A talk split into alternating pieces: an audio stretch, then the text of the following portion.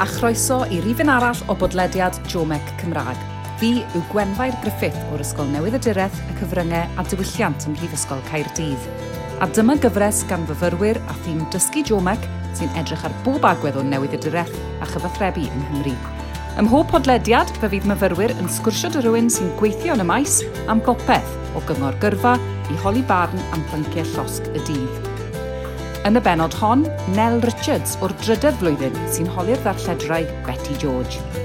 Fe ddechreuodd gyrfa Betty fel newyddiadurau llawrydd ar raglen bore da yn yddiau cynnar BBC Radio Cymru. Ac ers 1987, mae wedi bod yn holi mawrion y genedl ar ei rhaglen eiconig Betty a'i phobol. Yn y benod hon, mae'n trafod agwedder diwydiant newyddiadurol at fenywod a phobol hun a'i barn am newyddiadurwyr Cymru heddi. Wel, diolch yn fawr Betty am ymuno gyda fi heddi. Mae'n fraint i fi cael sgwrsio gyda chi. Um, nawr, sut ydych chi'n cadw? O, dwi'n dwi, rhyfeddol o dda, a, a gwyd y gwir, a meddwl am yr, am y cyfnod i ni'n mynd drwyddo fe ar hyn o bryd. Um, ond dwi yn ddiolchgar bod y fe raglen i wneud bob wythnos ar Radio Cymru. Uh, o leia dwi'n gallu canolbwyntio ar, ar honno, dy fe mae'n niw. Mae yna un peth allai uh, anelu at iddi bob wythnos, a mae'n un help. Ie, yeah, rhywbeth i gadw chi fynd. Wel, yeah. um, Wel ie, yeah, diolch am ddod i sgwrsio gyda fi am eich gyrfa chi am y byd newyddiadurol um, a'ch profiadau personol uh, chi yn y maes Na, chi wedi bod yn y diwydiant am ddigawdau. Um, felly, sut eithaf chi ati i fod yn newyddiadurwr? Wel, hapa damwen, sy'n ni'n dweud. uh, er, mae'n debyg y mod i'n yn groten fach wedi dweud wrth rhywun oedd wedi galw heibio i'r tŷ ac yn gofyn yr un cwestiwn beth chi'n mynd i wneud pan i chi wedi tyfu lan. Ac o'n i wedi dweud wrthyn nhw, o, o fydda i'n gweithio i'r BBC. Uh, ac o'n i'n fach mm-hmm. iawn yr adeg honno, ond fe, landes i lan yn y BBC. Uh, ac yn Abertawe o'n i'n byw yr adeg honno, ac oedd Iestyn yn mynd i'r ysgol, newydd, wel, oedd e y beth i bedair, bimp ffra. A ni'n meddwl, beth yw'n mynd i wneud nawr? Ac um, A wir fe ddoeth y job yma lan yn Abertawe uh, angen gohebydd ar y rhaglen fach gylchgrawn uh, boreol o'r enw Bore Da. A T Glyn Davies oedd yn uh, cyflwyno ac um, fe ddysges i lot a T Glyn Davies, mae'n rhaid i fi wedi. Um, a wedyn, uh, wel, wrth gwrs, fe, y peth gyntaf wedwyd wrtha i oedd, um, wrth gwrs, cofio nawr, number two fydd i di. Um, meddwl golygydd ar aglen. Ie, yeah, o reit. Um, ond oedd uh, number one, beth bynnag, a, a swydd llawn amser ag e. Um, ond na fe, number two o'n i. Achos mynd i o'n i, fe. Um, ond wrth gwrs oedd hi'n um, oh, oedd hi'n gyfnod cyffroes a oedd na streic y digwydd bron bob wythnos yn rhywle neu gilydd na, lle yn y, yn y diwydiant glo neu'r diwydiant dir. Ac um, felly oedd hi'n oh, oedd gyffroes iawn o safbwynt newyddiadur ar adeg hwnnw. Ond wrth gwrs o'n i'n mynd cael gwneud y storiau ni, i ddechrau. Um, achos mynd i o'n i, dy fe. Um, ond felly o'n i'n cael yng ngalw yn, um, fe ddoes i gael yng ngalw yn frenhines y Vox Pops, achos dyna beth o'n i yn cael wneud. A wedyn ar ryw bynciau dwl fel, wy'n cofio beth oedd e? O oh, ie, yeah, bod yna ormod o ddŵr ar y cwrw. O, oh, reit, a lan na fi i gwmtawe i ystrogynles fel oedd ei digwydd i'r dafarn wedi barn. A, a wedyn beth arall, beth arall. O oh, ie, yeah, siwtodd um, gweithio'r nos yn, uh, yn effeithio ar fywyd rhywiol, uh, a, a, a, a beth arall oedd siwt o stopo, wy'n cofio rhain, siwt o stopo uh, chwrni. A felly, o'n i, dyna beth oedd yn job i uh, am yr y blynyddoedd cyntaf. A felly, o'n i'n mynd lan a lawr cwm trawe a cwm gyndraeth.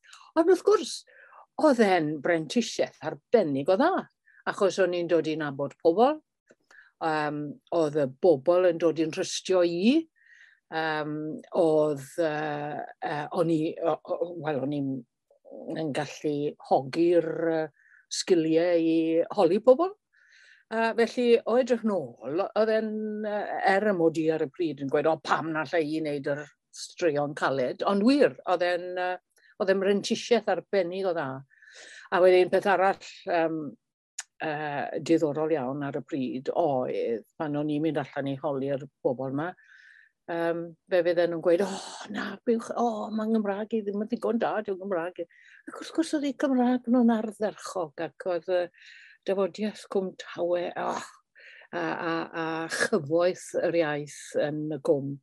Wel, o'n i wrth y modd a, a nateb i bob tro i wel, ma'ch Gymraeg chi well na ni ni.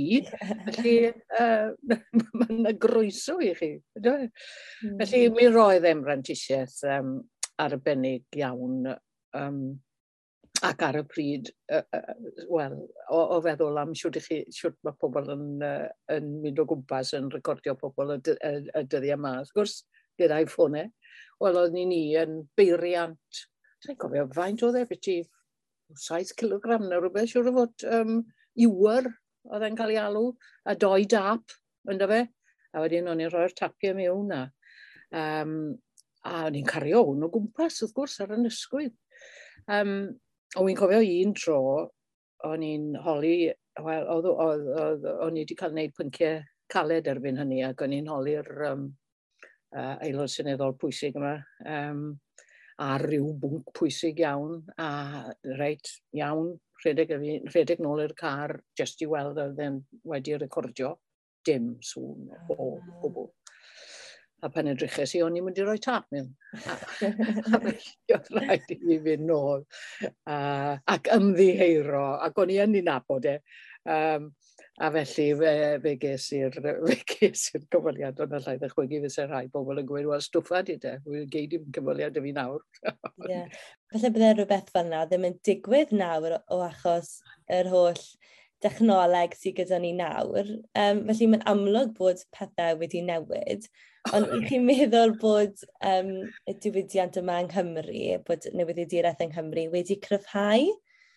O, yn bendant, yn bendant, achos dwi'n yr adeg honno, wrth gwrs. O, ond ar y llaw arall, uh, o safbwynt rhoi sylw i Gymru, yn y papurau uh, Llundeinig, oedd na ohebydd gan bob papur yng Nghymru a, ac fe fydden nhw'n rhoi sylw. Ond wrth gwrs, fel o'n i'n dweud, oedd e'n gyfnod cyffroes achos yr uh, streiciau yn y diwydiant i'r diwydiant glo. A dwi'n cofio yn y cynadleddau'r wasg, mi oedd, um, mi oedd y gohebwyr yma i gyd. O safbwynt newyddi'r dirang Nghymru, wrth gwrs, bod e wedi cryfhau a diolch byth mm. am hynny. Um, ond, uh, a hefyd wrth gwrs, o safbwynt y fenyw achos oh, allan ni gyfru ar un llaw faint oedd yn gweithio pan ddechreuais i. Um, a, a dwi'n cofio, o'n i eisiau... Uh, wrth gwrs, oedd rhaid cael tocyn undeb yr adeg honno i fynd i gyfarfodydd y glywir a chyfarfodydd y gweithwyr dir. Ac um, wy'n cofio treo uh, ymuno ar undeb. O na, dim, dim o gwbl tro hmm. cyntaf rhes i.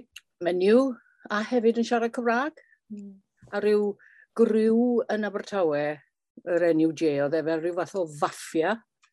Um, ac uh, oedd hi'n anodd, oedd hi'n, wel na fe. Um, a, e, e, a, a wedyn nhw'n tre gweud mae rhyw, rhyw um, uh, swydd pin money o'n i'n neud. Tra bod, tra bod yr un oedd yn number one gohebydd yn Abertawe, a swydd llawn amser ag e. Um, Ond, ond beth bynnag, uh, fe ges i diolch i ffotograffydd o'r um, uh, Neath, Neath, beth yw e, Neath Times, Neath Guardian, Neath, ie, yeah, yr, um, y papur lleol yn Gastell neb. Um, a oedd e wedi enwebu fi a fe wedodd e bod y peth yn ddwl na dwi'n i ddim yn aelod o'r NUG. A wedyn ar ôl hynna, o'n i yn cael mynd i gyfarfodydd yr uh, glywyr a ar y gweithwyr dir ac, um, uh, ac yn, achos oedd yna gymryd o'n nhw digwydd, oedd rhaid e, defnyddio fi i, i wneud y straeon caled yma. Ie. Yeah. O, felly mae'n amlwg bod chi wedi gorfod derbyn sawl sialens fel menyw, um, o bod dim dewis gyda chi bod y sialens yma yn eich wynebu chi. Na. Um, bod yn, yn ddiweddar i ni wedi clywed llawer am yr ymgyrchoedd Me Too.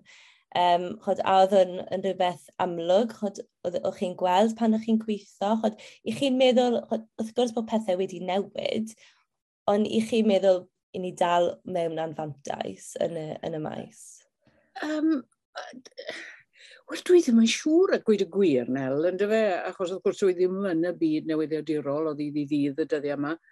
Um, ond o, o, edry, o edrych ar y teledu, dy fe, um, Wel, mae yna ma nifer go dda o fenod. Uh, Dwi'n mynd gweud bod yna ormod o bell ffordd, ond o leia, chymod, a maen nhw mewn, erbyn hyn, maen nhw mewn swyddi gyfrifol. Maen nhw'n ma nhw olygyddion, um, uh, olygyddion materion gwleidyddol er enghraifft. Uh, ac felly, um, mae hi Ie, yeah, a fwyna i chi, Nel. Ie, yeah. mae hynna'n ddiddorol. Y ffordd i chi'n gweld i de? Ie, yeah, wel, o, o glywed eich profiad chi, mae'n amlwg bod e wedi newid. Um, a mae llawer fwy o undebau, fel ych chi'n gweud, chod, yn sicrhau um, bod cyfartaledd yn y gweithle Um, ond i fi ddim yn credu bod ni wedi dod i stop. Chod i ni'n gweld, chod mae menywod cryf yn y diwydiant Bethan Is Roberts, Bethan Powys, mae'r menywod yma yn arwain um, y byd newyddiadurol yng Nghymru. Um, ond yn, chod, fi'n sicr bod angen fwy o amrywiaeth. Um, a fi'n cedi amrywiaeth yw un o'r pethau mwyaf pwysig. Um, dim jyst chod, yr, yr, yr, yr un gwynebau dylen ni fod yn gweld. Um, yw amrywiaeth um, yn sgil croen a chod a'r ethnig hefyd. Mae bell ffordd gyda ni i, i fynd o'n o'n safbwynt i. Ond hynny yw mae pethau wedi gwella ddi e ar Black Lives yeah. Matter wrth gwrs. Um, hynny yw mae pethau wedi newid yn, yn ddirfawr o ddi e ar hynny achos mae dyn yn gweld o'r diwedd y, y, y wynebau yma, y, y wynebau di, a mae dyn yn meddwl, le fi oedd rhain de? le o'n nhw? cyn, cyn i hyn ddigwydd, bod rhaid gorfodi uh, y pobl uh, uh, sy'n ap fwer, um, gorfodi'r rheini, o oh, ie, yeah, wel mae well i ni gael wynebau di ar y teledu. Um, yeah. ac erbyn hyn, ni yn gweld. Um, ac wrth gwrs, uh, oh, ble maen nhw wedi bod? Na'r cwestiwn dwi'n gofyn trwy'r amser. Ie, yeah, ond mae'n amlwg nawr ar hôl yr, yr oll ymgyrchoedd sydd wedi bod yn digwydd, bod ymgyrchu yn gweithio um, a mm-hmm. i chi um, wedi bod yn ymgyrchu gydag mm. Alzheimer's o, chod, o brofiad i'ch gŵr David. Ni wedi gweld llwyddiant ymgyrchoedd i chi dal, i chi dal yn ymgyrchu hyd heddi? O, o dw. Ie. Yeah. Nawr, yeah. beth yw pwysigrwydd codi llais a sicrhau bod y llais hwnnw yn cael ei glywed? Ie, yeah, wel dyna, dyna un o'r pethau yn y marn ni, mae rhaid i newyddiadurwyr gofio bod yna uh, e, bobl mas fyna a dim llais dyn nhw. A dwi'n gweld hyn wrth ymgyrchu uh, gyda dementia. Um, yn enwedig y Cymru Cymraeg. Na dyn nhw ddim yn fodlon, cwyn, wel nid cwyno, ond dweud fel mae hi arnyn nhw. Mm. Y diffyg gwasanaethau, diffyg cefnogaeth yr hyn sy'n gorfod digwydd, sef maen nhw'n gorfod talu am bob gofal uh, maen nhw'n gael uh, os uh, gyda'r... Achos wrth gwrs, um, gofal cymdeithasol yw e, a nid gofal sy'n dod o dan y gwasanaeth iechyd, felly maen nhw'n gorfod gofal, uh, talu am, am, am bob gofal maen nhw'n gael, uh, wel mae hyn yn gwbl, gwbl anheg. A, ac wrth gwrs, dim llais dyn nhw, A felly, uh, a, a dim ond pobl a dimensia di hwnna, a ni mae yna gynifer o bobl eraill sy'n a dim llais dyn nhw. Ac um, dwi'n gweld un o brif swyddi uh, newyddiad dirwr yw rhoi llais i'r bobl yma sy'n ddilais ar y funud. Mae e mor, mor bwysig. Ie, yeah, ni'n mynd i weich, i chi'n credu bod dyletsoedd ar newyddiadurwyr neu um, pobl sydd â phroffil uchel i sicrhau um, bod y llais mae'n cael ei gyflawni a bod, a bod newid yn cael ei gyflawni na, na, na beth arall, ond fe, bod hmm. newid yn dod o'r holl ymgyrchu yma. Mm. Dwi wir yn credu bod yn ddyletswydd ar newyddiadurwyr i ddod o hyd i'r bobl yma, achos yn yn mhrofiad i, diw'r, a, a diw'r a'r Cymru Cymraeg, yn enwedig, di nhw ddim uh, eisiau cwyno. Uh, o'n i'n clywed am un wythnos diwetha gyda'r asesiadau uh, maen nhw'n gael um, asesiadau ar y dechrau i weld os dementia neu, neu Alzheimer's arnyn nhw. Um, ac mae'r cwestiynau yn gwbl, gwbl anghywir i Gymru ac yn enwedig i Gymru Cymraeg. Um, a hefyd wrth gwrs yr iaith, maen nhw'n cael yr uh, asesiadau yma'n Saesneg. Mm. Wel, i siaradwyr Cymraeg, di hwnna ddim yn deg. A wedyn, oedd un fenyw fach o Geredigion, um, ac oedd hi wedi colli'r gafel yn llwyr ar Saesneg. Um, ac a'r cwestiwn yn Saesneg oedd, um, a oedd hi'n cofio pryd fi farw JF Kennedy. Wel, Dwi'n dwi, dwi cofio'r union ddyddiad. a gwedi gwir, o rhaid i fi edrych lan y, flwyddyn. Chymod, ond on, dwi'n berthnasol i ni yng Nghymru, oeddi e mewn gwirionedd. Chymod, felly mae eisiau rhoi llais i bobl fel hyn, a, a dwi wedi, wel, dwi wedi golygu'r gyfrol yma datod sy'n newydd ymddangos. A dwi'n uh, yn teimlo'n siomedig nad ydy'r um, uh, newyddiadurwyr wedi codi ambell i stori sy'n yn y llyfr a, a mynd ar ei hôl hi. Pam bod y gwasanaethau mor ofnadw? Um, ond does neb wedi wneud, a dwi wedi cael ein siomi mawr, mae'r rhaid i fi ddweud. Mm. Ie, yeah, mae ryfedd yn dweud, achos i ni fel Cymru nawr yn gweld bod, bod ni o dan anfantais o rhywbeth sydd, sydd yn ymwneud â iechyd nawr dyle hwn fod yn rhywbeth sy'n gyfartal i bawb. A fel o'ch chi'n gweud am stori'r fenyw na fyna, chod, bod y, bod y gwasanaethau hefyd yn Saesneg, wel, mae ma, ma astudiaethau wedi dangos yn diwebod bod chi'n mynd i fod yn, yn fwy naturiol yn eich mamiaeth. Um, felly, y ffaith bod chi o dan anfaites yn barod, um, dyw, hynny, dyw hynny ddim yn deg. Ond I chi, chi wedi gweld bod pethau wedi gwella, neu i chi'n gweld bod pethau wedi aros yr un peth? Wel, o leia maen nhw'n ymwybodol erbyn hyn o'r Gymraeg, achos sy'n ni'n rhoi deng mlynedd yn ôl, ond nhw ddim yn ymwybodol o bwysigrwydd hmm. y Gymraeg mewn gwasanaethau i, i bobl â dementia. Erbyn hyn, mae na, ma nhw ach Comisiynydd Iaith wedi, wedi codi'r mater, beth bynnag, ac wedi ymchwilio ac wedi dod o hyd i ffeithiau sy'n dangos nad yw'r Cymru Cymraeg ddim yn cael y gwasanaethau ddylen nhw gael oherwydd y diffyg iaith. Felly maen nhw yn ymwybodol, ond dwi'n aelod o sawl um, uh, uh, grŵp yn ymwneud â dementia. A, a, a, a dyn ni byth, byth yn, yn cael y trafodaethau yma drwy gyfrwng y Gymraeg. Er bod nhw'n gweud, o oh, ie, yeah, ie, yeah, ni'n ymwybodol uh, o'r Gymraeg. Wel, um, gnewch rhywbethau e, ynglyn ag e. Uh, achos dwi'n cofio oedd un o'r grwpiau yma yn, um, yn cynnal cyfarfod lan yn Aberystwyth ac o'n nhw'n gobeithio byddai'r Cymru Cymraeg yn dod i'r cyfarfod yma i drafod y gwasanaethau uh, yng nghyfen gwlad o, o ran dementia. Ac um, o'n i'n dweud nhw, grondwch mae rhaid i chi gynnal y cyfarfod yma yn Gymraeg, os ydych chi'n mynd i gael yr siaradwyr Cymraeg i ddod, nid cynnal yn Saesneg a wedyn cyfeithi ar y pryd, math o beth. Ydyfe? Nid dyna beth sy'n eisiau, ond mae eisiau cynnal y cyfarfod yn Gymraeg. Ac wrth gwrs, y diwrnod hwnnw sy'n credu bod mwy na rhyw ddoen neu dri wedi dod i'r cyfarfod o siaradwyr Cymraeg. Oedd y lleill i gyd yn, yn ddi Gymraeg. Mm. Felly, a, a dyna'r math o beth sy'n digwydd, a dyna beth sy'n ynghorddi i dal i wneud. Ie, ie, ie, fi'n siŵr. Gyda'r holl amgylch chi wedi gwneud, fa?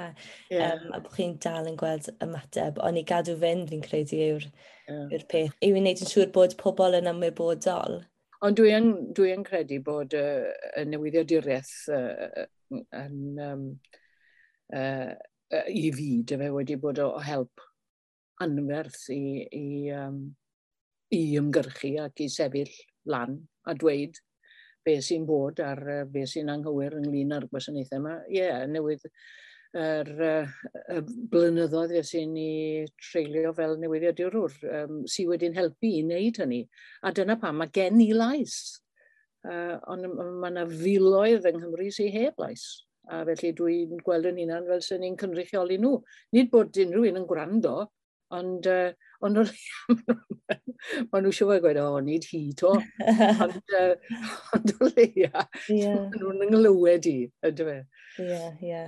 Wel, chi wedi bod yn darllid o ran, fel o'n i'n gweud, digawdau, neu wedi dir yr agwedd i yeah. gweithio ar filoedd o straeon um, dwi'n tybio. Beth yw'r stori mwyaf, um, mwyaf neu diddorol um, i chi di gwneud neu ddarlledu arni? O, oh, na gwestiwn. Mae gas gen i gwestiwn fel yna, mae'n ma, amhosib dweud nel a dweud y gwir. Dwi'n dwi, trio meddwl nawr, o, oh, ar cogiau yn, yn, yn, troi. Um, Fi'n gwybod neu, ond fi'n credu felly, yn ystod uh, uh, streic y glwyr ym 1984, um, o'n i'n cael modd i fyw, achos nid, nid yn gymaint bod fi'n mynd ar ôl uh, y stori wleidyddol undebol math o beth, ond ar ôl y tylioedd, yn mynd i weld y tylioedd a fel oedd rheini'n dioddau e, o'n i'n neud, a dod yn, um, yn ffrindiau ar, ar um, menwod, y gwragedd a'r mamau um, a gweld fel o'n nhw cyn y streic, wel, o'n nhw wedi trilio eu bywydau yn, yn um, gofalu ar ôl i gwir, yn dyfed, dyna beth oedd uh, gwaith menyw yr adeg honno, oedd gofalu ar ôl y gwr. A wedyn fe ddoeth y streic yma, fe, fe, fe, fe gydiodd y menwod, wel, lawer iawn ohonyn nhw yn y streic yma, achos bod nhw mor weithgar yn ystod y streic yn, yn trefnu hyn a'r llall. A fe a sawl un uh, ohonyn nhw wedyn mlaen i gael mwy o addysg a, a graddau ac ati. Ynddo fe, mae Sian James yn un ohonyn nhw, wel, cyn aelod syniddol ebyn hyn. Hynny yw, mi oedd hwnna, oh, oedd hwnna'n rhoi um, rhyw fath o, o, o foddhad i rhywun i weld y menwod yma yn, yn, yn magu'r hyder. O, oh, allwn ni wneud hyn. A felly mi ymlaen i wneud i graddau a, a gwneud um, gyrfa dda ohoni. Ie, yeah, wel, mae'n amlwg bod chi di, wedi nabod y, y bobl yma a chi wedi dilyn eu taith nhw. Um, na, pa mor bwysig yw hi yw i fagu perthynas gyda unigolion yn y stori? Chod, yeah. Fel ych chi'n gweud, mwyafrif yr amser, pobl sy'n creu y stori yma, nawr mae dyletswydd arnoch chi fel newydd i fagu perthynas. Um, nawr, sut ydych chi fynd ati i wneud hynny? Wel, mae rhaid yn gyntaf, mae rhaid bod nhw, fel o'n i'n sôn am dyna i wneud y Vox Pops ma'n yn, yn Gwmdawe a Gwm Gwenraeth, wrth gwrs o'n nhw'n dod i'n nabod fi, ac o'n nhw'n dod i'n rystio i. Um, a dyna, dyna beth yw'r peth pwysig, hynny yw bod, bod nhw'n gwybod y gallan nhw'ch trystio chi a, a gwneud y stori yn, yn, yn dda.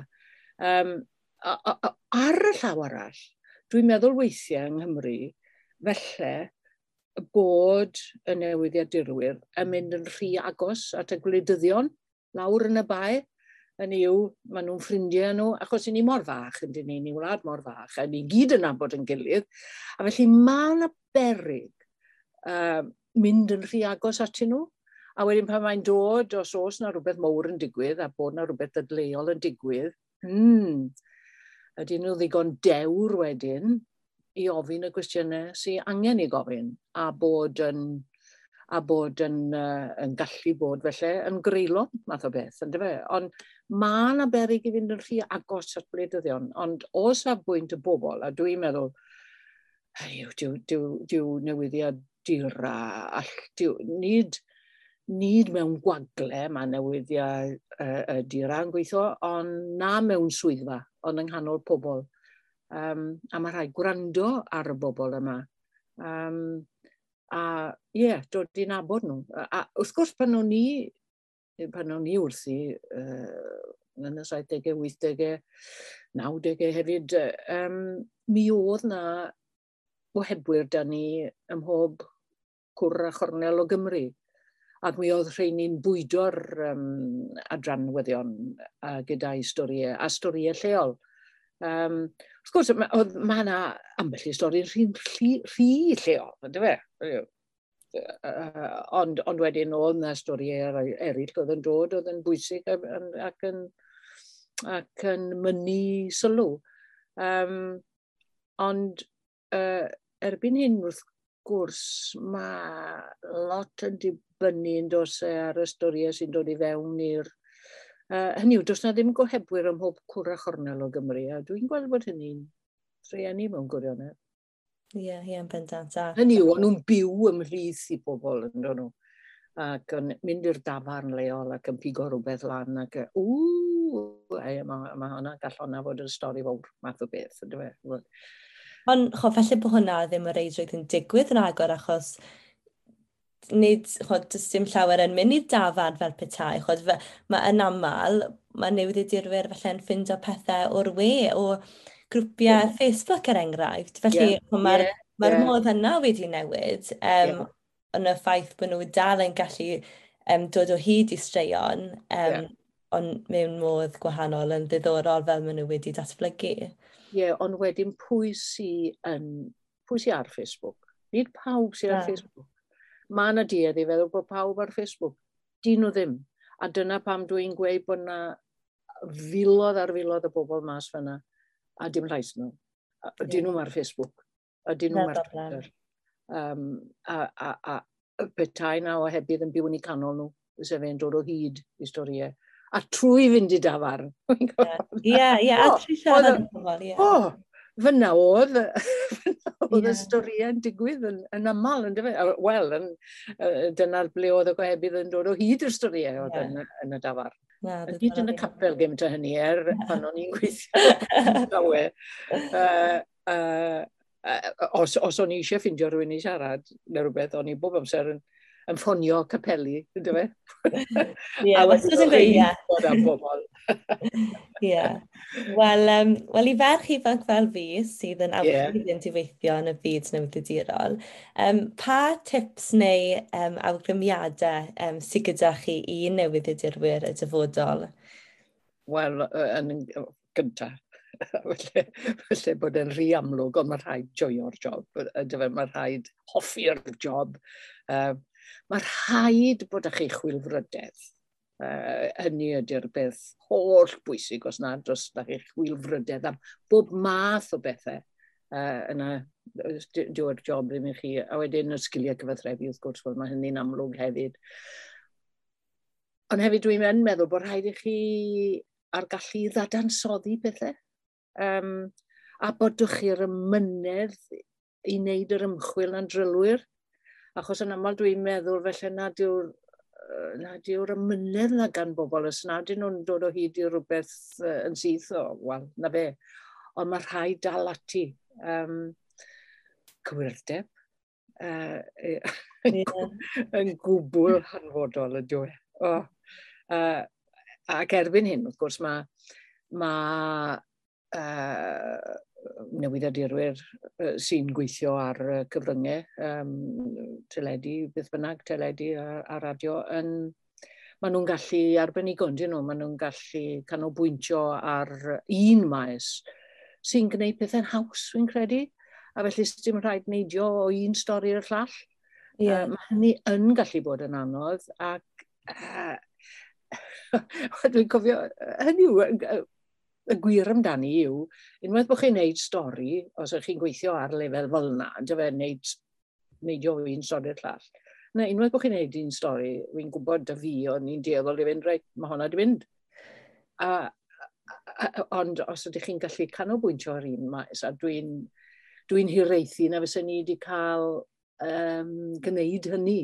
Ond wrth gwrs yr adeg honno, doedd na ddim gymaint o o arbenigo, oedd na ddiwydiannol ac mi oedd na yeah, diwydiannol a gwleidyddol. Mm. Um, yn credu mai dyna'r dyna unig beth y dweud y gwir o, o, yeah. o nhw ar y pryd, ynddo fe. Um, a, a'r, ie, yeah, y gallu yma i ddal ati hefyd uh, a, a, i fynd ar ôl stori, achos fi'n cofio gweithio yn y Gymraeg. Uh, oedd hi yn gallu bod yn anodd i ddod o hyd i siaradwyr Cymraeg. Um.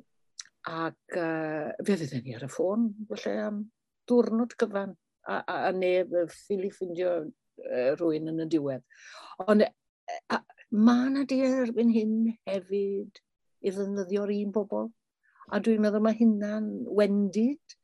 Achos erbyn hyn, fe ddyle cynnyrch yr ysgolion Cymraeg yma fod mewn safleoedd y gallan nhw gyfrannu uh, i storiau newyddion yn Gymraeg. Um, hynny yw, mae ma yna fwy o mwy yn dod i'r amlwg. Um, a, ond mae yna oh, ma duedd i fynd ar ôl rhywun maen nhw'n gwybod sy'n saff. Yeah. Uh, yn hytrach na rhoi cyfle felly i rhywun newydd. Mae hynna'n bwysig. Um, iaith syml, mae hynny'n bwysig. Uh, hyd yn oed uh, print neu ar lafar y mm. iaith mm. syml, achos unwaith eto, Dwi'n meddwl am iaith y gweision sifil lawr fyna yn y bai. Oh, mae, mae, Wel, mae'n mae iaith yn ei hunan. Mae'n mae iaith wahanol i iaith pawb arall. Um, a maen nhw'n defnyddio'r acronymau yma. Ac wrth gwrs, ti'n gwybod ddim yn gwybod beth i nhw? Mm. Um, a mae hynna'n yngwylltio i pan maen nhw'n defnyddio'r acronymau. A fydda i bob amser yn gofyn. Be chi'n meddwl wrth yna? Beth yw, be mae hwnna'n ei olygu? Ac yn rhyfedd iawn yn aml, a dyn nhw'n gwybod i hunain beth yw e. Maen nhw mor gyfarwydd ag e. Rydyn nhw'n gwybod beth yw beth mae'r llythyrnau. Yeah. Mae sefyll amdano.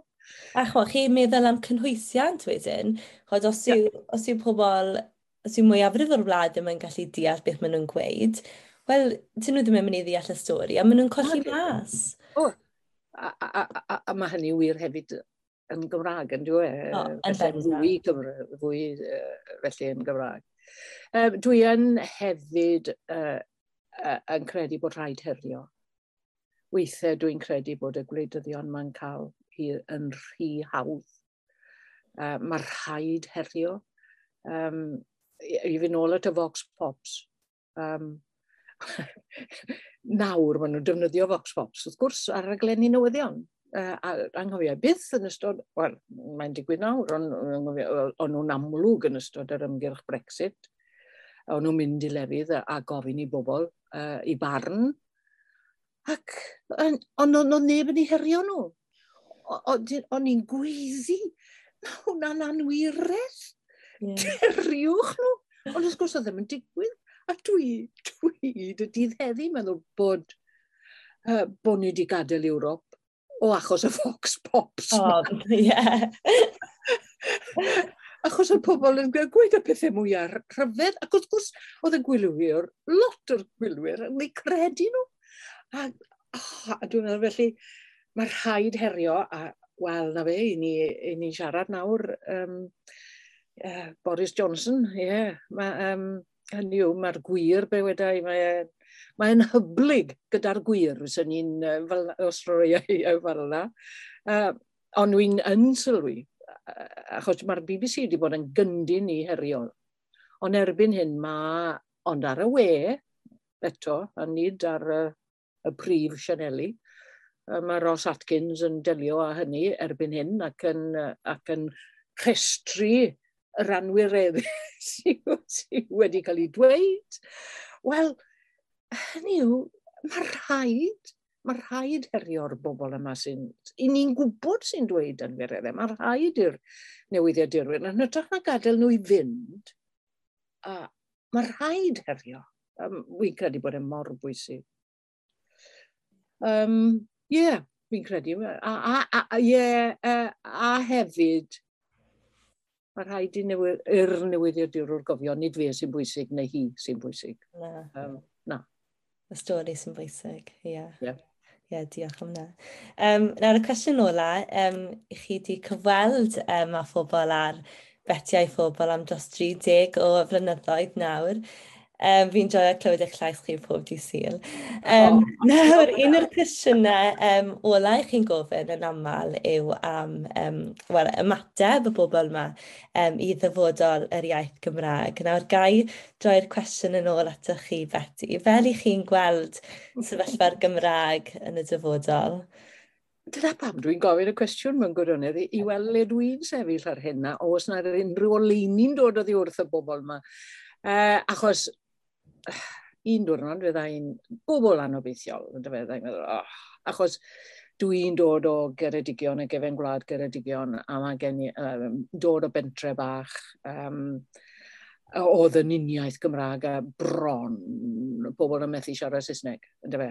Um, erbyn hyn, mae hi, uh, o'n i'n siarad â rhai sy'n o hyd, wel, plant o'n nhw pan o'n dywes i, ond erbyn hyn, dwi mewn cysylltiad yn nhw, a maen nhw'n gweud gymaint o frwydr yw hi.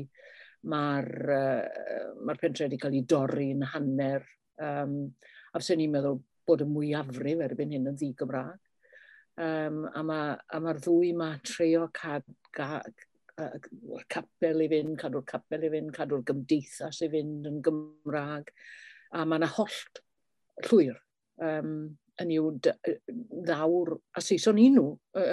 yn yw mae dyn yn gyndyn i ddefnyddio, dyn nhw'n fod defnyddio Saeson, ond dwi yn i ddefnyddio fe, Saeson i nhw.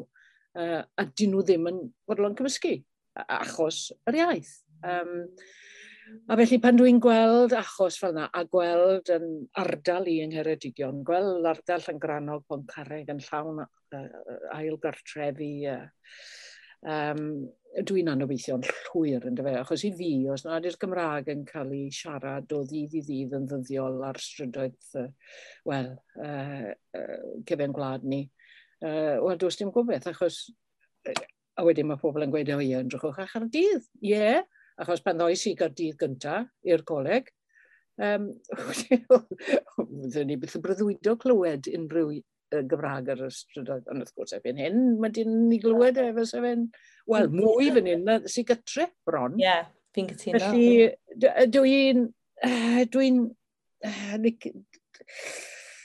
mae'n mynd i newid, rhai o fel yna. Wy'n yn gwybod a fydd un iaith y stryd, byth. Um, o safbwynt Cymru, dwi'n yn gofidio am Gymru.